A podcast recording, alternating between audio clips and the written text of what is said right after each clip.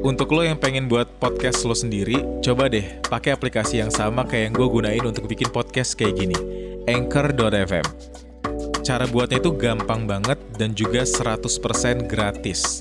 Selain gampang banget digunain, semua yang kita perluin untuk ngebuat podcast juga ada di Anchor.fm, termasuk untuk distribusi ke Spotify dan platform podcast lainnya. Buruan download aplikasi Anchor FM biar lo bisa juga buat podcast kayak gue. Hey, halo semuanya. Lo semua lagi dengerin gue, Giri Ardian. Hari ini gue ngobrolnya nggak sendirian, ngobrolnya sama orang yang sesuai dengan episode kali ini buat gue bahagia. Hari ini ngobrol sama Sally. Hai. Udah banyak yang nanya tuh Sel. Oh ya? Maksudnya nggak tahu ya. eh, emang emang menurutku sih kalau misalnya ngobrol kesannya kayak kita kayak ngobrol bertiga gitu loh sama mereka loh. Kayak Wah mereka seru ya.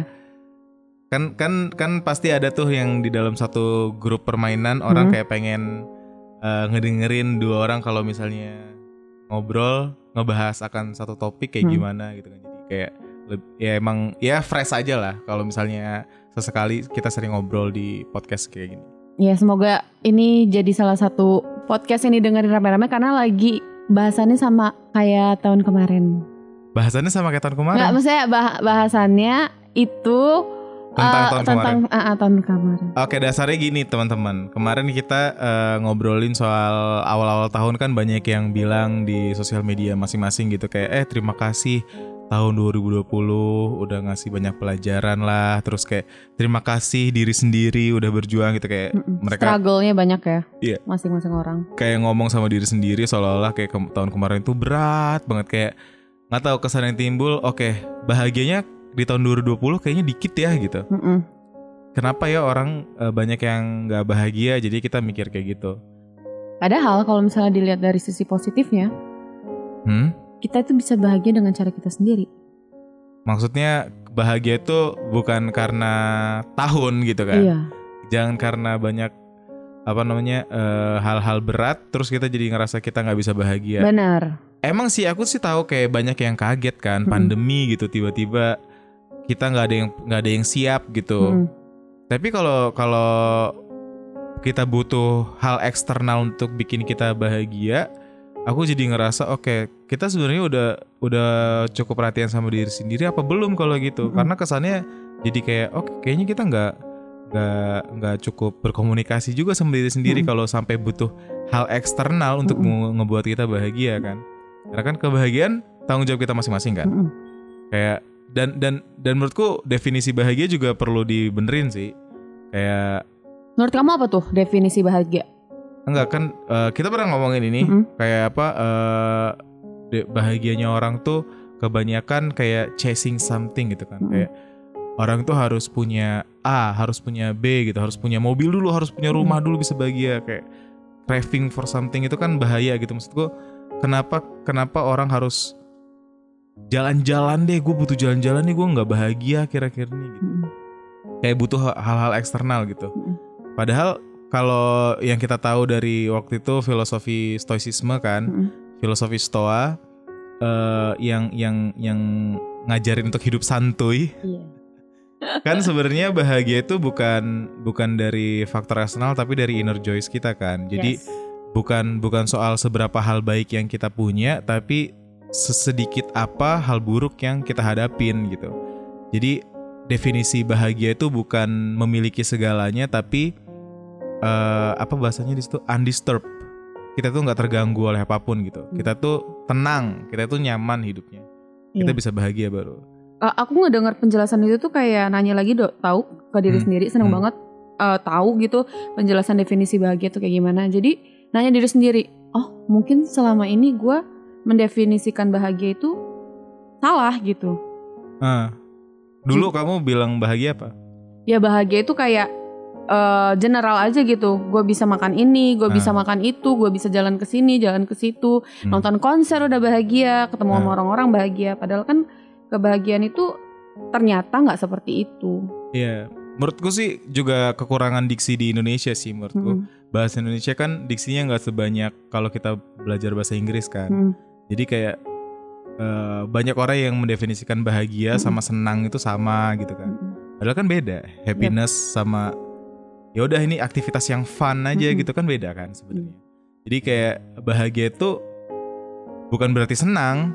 Kalau misalnya kita lihat ada orang yang hidupnya nggak ketawa-tawa tiap hari, bisa jadi dia bahagia, bisa Iya, jadi, benar. paham Hmm, kan? Benar. Jadi bukan kata bahagia itu nggak selalu ketawa-tawa gitu. Iya benar, karena yang aku lihat kebahagiaan itu adalah ketenangan dan lebih banyak bersyukur kan. Iya di filosofi Stoa kan juga dijelasin kan kalau sebenarnya kebahagiaan itu bukan bukan sebanyak apa hal baik yang kita punya tapi ses- sesedikit apa hal buruk yang kita milikin gitu yang kita hadapin. Jadi kesannya kita tuh nggak terganggu gitu. Kita itu bisa ngejalanin hari dengan tenang. Kita bisa ngelakuin apa yang pengen kita lakuin gitu. Kebutuhan yang kita eh, mau terpenuhi gitu sebenarnya udah bukan yang kayak harus rame-rame terus, bukan yang meriah gitu bukan. Tapi gimana kalau misalnya ada orang yang berpikir kan hidup ini nggak penuh, nggak luput dari masalah. Ya gimana pasti. gitu? Iya, itu kan itu sebenarnya ada bahasannya nanti aku bakal ngomongin soal konflik kan. Mm-mm. Aku aku sih mungkin bisa nge, eh, ngebocorinnya cuman gak semua konflik itu masalah. Mm. Bisa jadi konflik itu solusi kan. Oke. Paham kan? Jadi kayak kalau misalnya masalah masalah hadir, ya iya bisa jadi itu adalah hal yang hal baik yang harus kita hadapin supaya kita jadi pribadi yang lebih baik lagi gitu. Jadi tergantung inner joys kita memandang memandang hal tersebut itu kayak gimana gitu. Yang pasti sih semua butuh persiapan aku Benar. aku nilai. Kayak maksudnya eh, mau tadi aku aku kita bilang kan eh, ngomongin soal finansial kalau kalau mau investasi tunggu dulu sebelum investasi dana daruratnya harus selesai dulu nih utang piutang udah nggak boleh ada lagi nih gitu kan maksudnya utang piutang yang yang menggerus ya kalau misalnya untuk untuk apa digunakan untuk diputar lagi uangnya untuk bisnis segala macam sih boleh-boleh aja cuman maksudnya adalah masalahnya diselesaikan dulu baru chasing for something gitu. Kebahagiaannya nggak bakal pernah hadir kalau misalnya masalahnya makin bertumpuk-tumpuk gitu. Ibaratnya kayak kita punya kapal nih terus kita ngadepin ombak yang besar gitu. Kalau kapal kita cukup kuat mungkin kita bisa ngadepin ngadepin ombak itu gitu.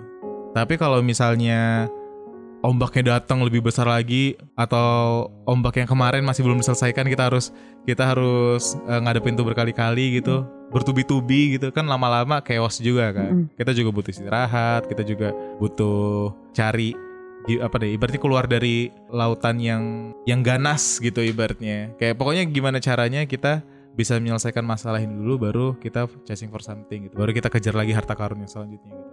Bahagianya dimulai dari situ dulu sih menurut aku Sebelum lanjut ngomongin bahasan kita hari ini, gue cuma pengen ingetin kalau lo pengen buat podcast, jangan lupa pakai Anchor.fm yang 100% gratis dan gampang banget buat digunain. Anchor.fm bakal jadi aplikasi yang sangat ngebantu lo untuk ngebuat podcast dan juga mendistribusikan podcast lo secara luas ke Spotify dan platform podcast lainnya. Jadi jangan lupa download ya. Iya, kalau aku juga sekarang mandang bahagia tuh kayak simple aja deh, nggak Hmm. nggak usah dibikin ribet. Eh, bersyukur dengan apa yang udah dilakuin Hmm. sejauh ini, itu aja udah bikin happy gitu kan. Karena kita lebih baik memandang sisi positifnya daripada harus mikirin negatif. Hmm. Terus kita harus membahagiakan kebahagiaan kita sama kebahagiaan orang lain. Hmm. Terutama kalau misalnya kita ngelihat kebahagiaan orang yang ditunjukin di media sosial, Hmm. seperti yang udah kamu omongin sebelumnya Hmm. waktu kita lagi ngobrol berdua Hmm. itu tentang yang kita nggak bisa ngebandingin tentang personal apa intern Oh, kita nggak bisa ngebandingin realita internal sama Ah, ya, itu realita maksud aku. eksternalnya orang lain gitu. Kayak Iya. maksudnya gak apple to apple kalau ngebandingin kebahagiaan seseorang yang ditunjukkan di sosial media sama keburukan yang kita miliki di Setuju. dunia nyata gitu. Mm. Gak sama kalau kalau kita mau ngebandingin ya udah bandingin realita uh, sosial media kita juga gitu. Iya, Kalau kita ngeliatin kebahagiaan kita di sosial media juga kita kelihatannya pasti bahagia-bahagia aja gitu. iya semua orang kan nunjukinnya yang baik-baik aja yang senang-senang Nah, aja bener. ya Jadi kan ada ada dua realita yang berbeda yang harusnya kalau misalnya dibandingin tuh nggak boleh karena Iya. kan jadinya nggak adil kita kayak ngebandingin hal baiknya orang sama hal buruknya kita pasti jadinya overthinking. gitu. iya Lagian juga aku sih eh, ngarepnya semua orang nggak ngebandingin satu sama lain tuh karena emang kita tuh setiap manusia tuh unik kan. Setiap Hmm. manusia tuh punya jalan hidup yang beda-beda gitu.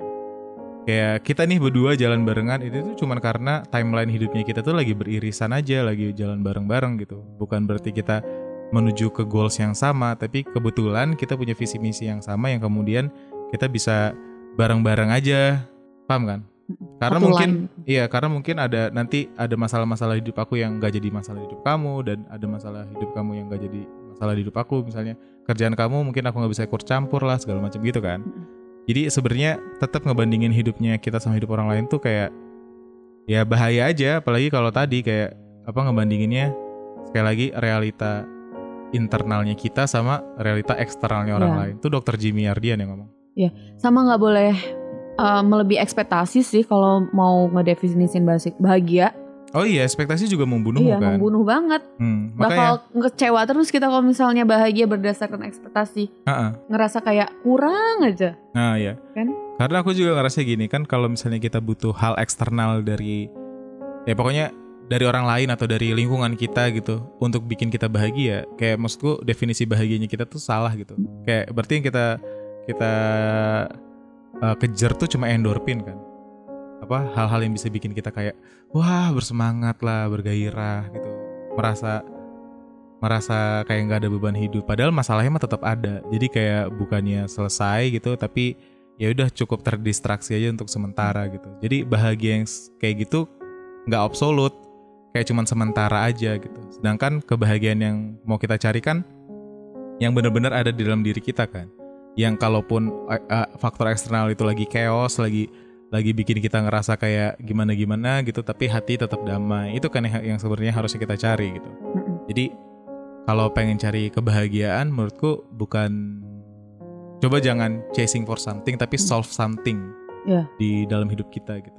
kalau aku mikirnya kalau mau bahagia walaupun di tengah masalah Hmm. itu mikirnya kalau masalah itu tuh bukan sesuatu yang bisa menjatuhkan kita tapi itu adalah sebuah pembelajaran Mm-mm. yang bisa kita ambil yang akhirnya kita menjadi orang yang lebih kuat gitu. Iya, yang lebih baik lagi. Ya. Ya sama kayak misalnya kamu pengen kaya raya misalnya gitu. Apakah kalau kamu berdua pengen kaya raya terus dikasih, oke langsung dikasih duit di depan pintu kan enggak? Enggak betul Tapi dikasih kita masalah. dikasih masalah. Ibaratnya dikasih konflik, dikasih kesempatan kalau aku bilang, dikasih kesempatan untuk belajar jadi orang kaya itu kayak gimana sih sebenarnya gitu. Nah kesempatan itu tinggal kita yang ngelihatnya dari sudut pandang yang positif atau negatif. Kalau kita mandang masalah itu sebagai kesempatan untuk, oke misalnya kita dikasih masalah keuangan, oke selesaiin. Kalau kita bisa selesaiin masalah itu kan kita bisa bisa next level. iya next level. Di- Setuju. gitu. Coba coba coba terapin sih menurut menurut gue eh, buat kalian semua di luar sana gitu kalau misalnya pengen bahagia stop chasing for something tapi coba solve something gitu. Selesaiin masalah-masalah yang ada di dalam hidup dulu gitu.